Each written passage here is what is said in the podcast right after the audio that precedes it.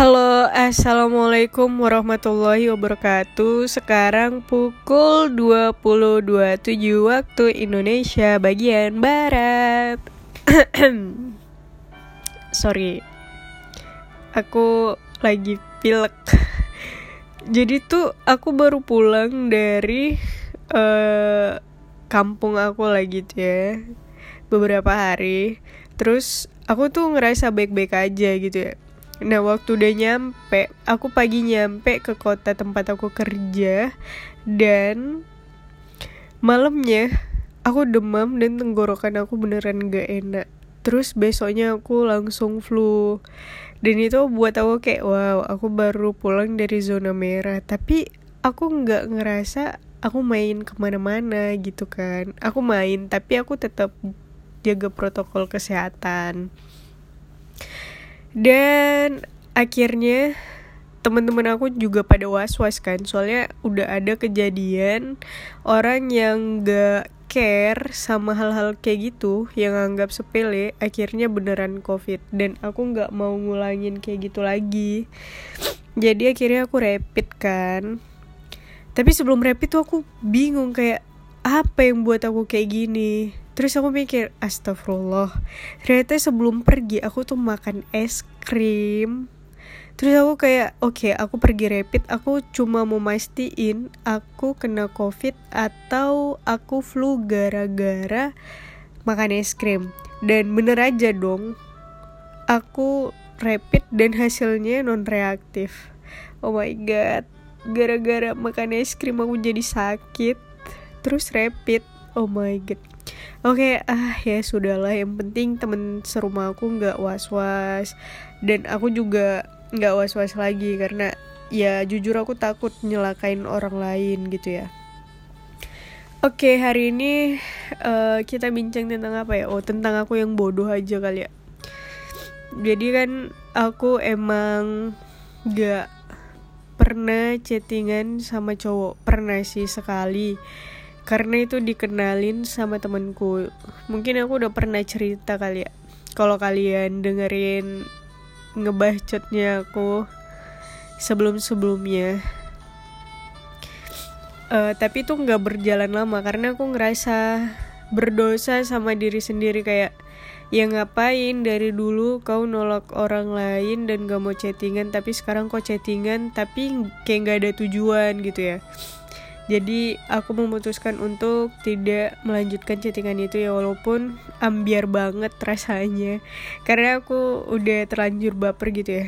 Tapi ini aku tuh kita udah nggak chattingan dua tahunan lebih mungkin ya. Tapi aku ngerasa iya aku emang selalu kayak gitu. Aku ngerasa kejadian itu kayak baru aja gitu kan karena dia adalah orang yang pertama. Makasih ya udah jadi orang pertama dan membuat aku punya pengalaman baik.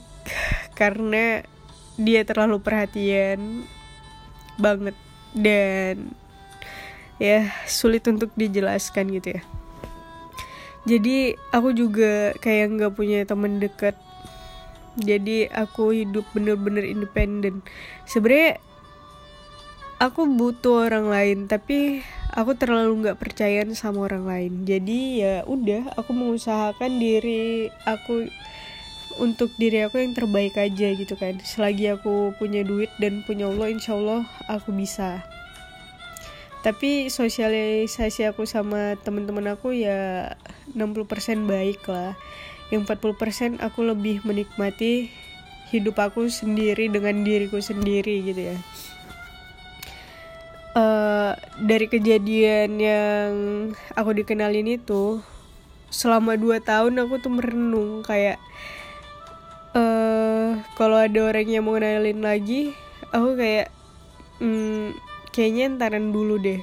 Dan dari situ aku bener-bener nyimpulin oh aku yang belum siap. Jadi umur 19 sampai 22 tuh aku pengen banget nih kamu deh Terus waktu umur 22 ke 23 aku mulai membuka mata bahwa nikah tidak semudah itu, bahwa nikah yang gak cuma ada enaknya doang. Ya semua hidup pasti ada nggak enaknya. Tapi kalau aku tidak mempersiapkannya dengan matang, tidak mempersiapkannya dengan sungguh-sungguh, pasti bakal banyak batunya, banyak kerikilnya gitu ya. Tapi kalau aku udah siap, pasti mental aku lebih kayak kuat gitu. Oke, aku bisa memahami dia. Ya, jadi aku uh, mungkin tahun depan aku siap tapi kalau untuk tahun ini apalagi tahun ini cuma tinggal beberapa bulan lagi kayak nggak mungkin gitu. Ya mungkin mungkin aja sih. Lah wala kuatela bila kan. Tapi kayaknya aku lebih prepare tahun depan sih. Insya Allah doain ya. Tiba-tiba dapet jodoh gitu kan.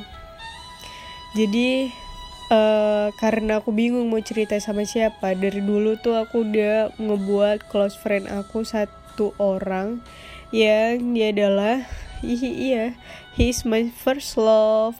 Tapi dia nggak pernah tahu aku gitu. Kita nggak nggak temenan tapi dari dulu aku nguntitin dia gitu. Jadi kegiatan aku sekarang adalah aku menceritakan semua yang aku rasain yang aku pikirkan yang aku inginkan semua rencana aku tentang masa depan aku tentang uh, pengennya punya calon suami kayak gimana? Itu aku kasih tahu semua ke dia. Aku nggak tahu sih uh, dia aku nggak tahu dia baca atau enggak ya. Semoga dia baca. Tapi nanti suatu hari nanti kalau emang dia bukan jodoh aku aku bakal ngakuin perasaan aku aku bakal jadi waktu nanti aku di hitbah aku bakal bilang ke dia uh, tolong dibaca ya ini aku post lewat story di close friend yang udah hampir dua atau tiga tahun itu isinya cuma dia. Awalnya aku bener-bener nggak kepikiran untuk membagikan uh, isi dari perasaanku ke orang lain kan. Tapi ya pilihan aku cuma ada dia.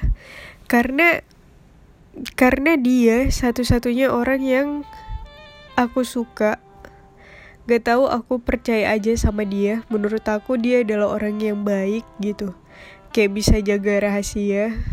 Uh, terus uh, terus dan dia juga nggak pernah ngerespon atau bahkan nggak pernah dibaca tapi ya udah aku ngerasa lega aja. Makasih ya. Semoga sih kamu baca. Aku mau bilang sama dia e, tolong dibaca ya. Sebelumnya aku bilang makasih. Aku nggak tahu persepsi kamu tentang ke aku itu gimana.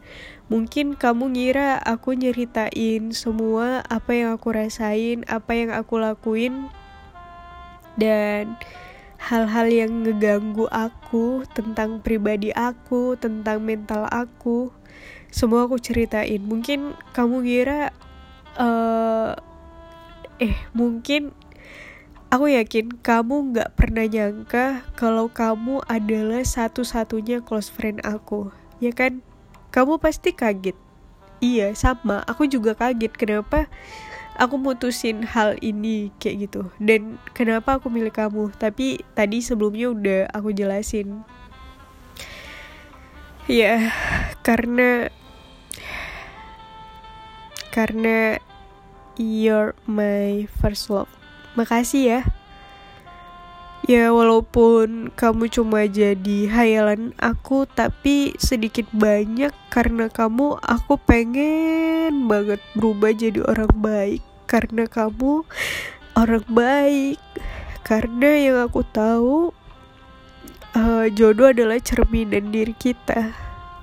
Makasih ya. Dulu kamu itu sering banget dulu kamu sering banget uh, nge-share tentang agama. Dan itu yang jadi motivasi aku. Aku harus lebih baik kayak gitu. Tapi setelah tujuh tahun tetap kita bukan siapa-siapa yang aku bisa tinggalin cuma doa buat kamu.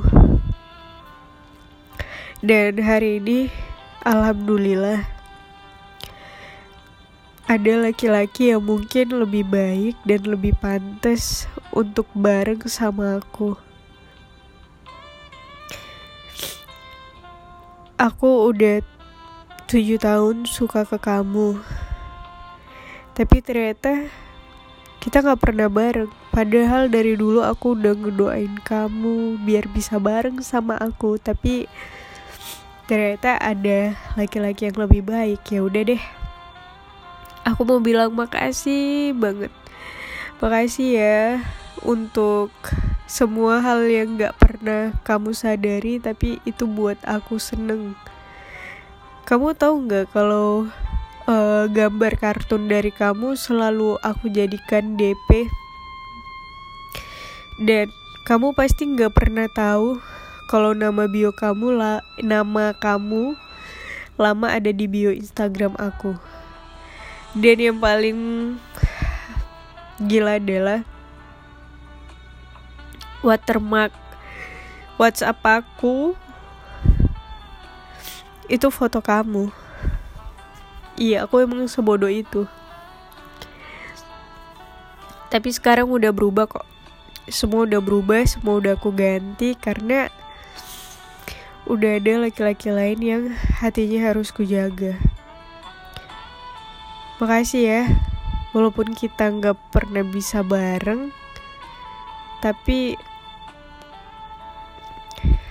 uh, kamu berjasa untuk aku. Makasih ya.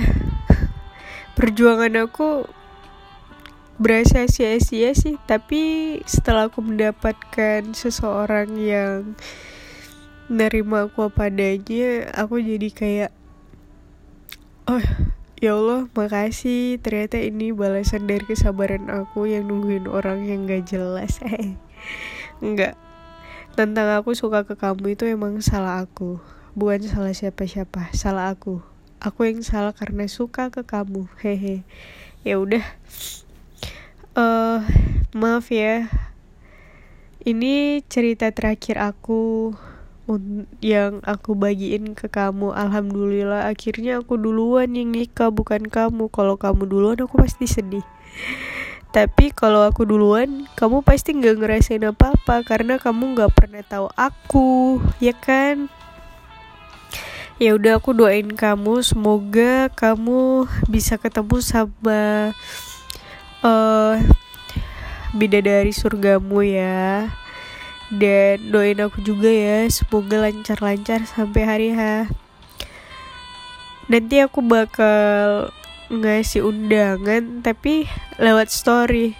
Aku undang kamu loh kalau kamu mau kamu datang ya.